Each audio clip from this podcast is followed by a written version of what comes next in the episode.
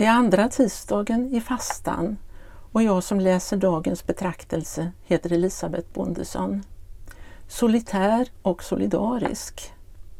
Äger jag dig i himlen önskar jag ingenting på jorden. Från Saltaren 73 och 25. Under fastan söker vi stilla platser som främjar receptiviteten. Platser av tystnad är ofta de viktigaste gränssnitten mot mysteriet, skriver den irländske poeten John O'Donoghue. Det är en sådan plats profeten söker när staden blivit en tillvaro där allt kretsar kring pengar, prylar och prestige. O, om jag kunde finna ett rastställe i öknen. Det är den platsen Jesus uppmanar sina vänner att söka.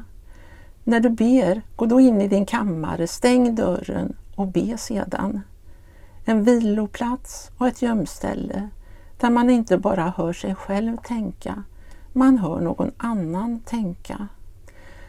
Verkligt lyssnande för oss i kontakt med det osagda och outsägliga, fortsätter O'Donoghue, inspirerad av den keltiska visdomen. Bara hos Gud finner jag ro.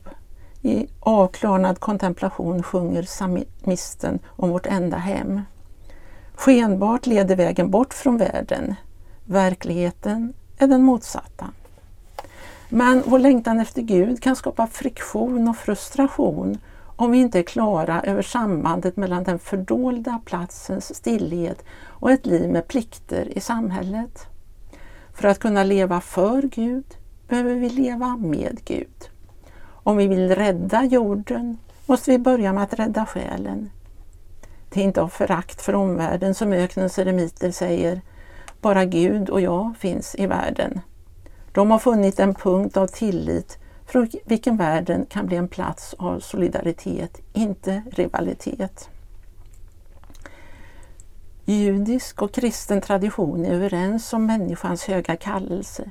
Vi lever för att älska och ära Gud. Ur kärlekens självförglömmelse stiger värmen och vördnaden för allt levande. Skild från allt förenas bedjaren med allt. Solitären i Guds namn blir solidarisk med allt skapat. Hon hör fåglarna sjunga på varje plats. Var gärna med mig i en bön. Herre vår Gud, du som ger oss denna tid för att vända åter till dig.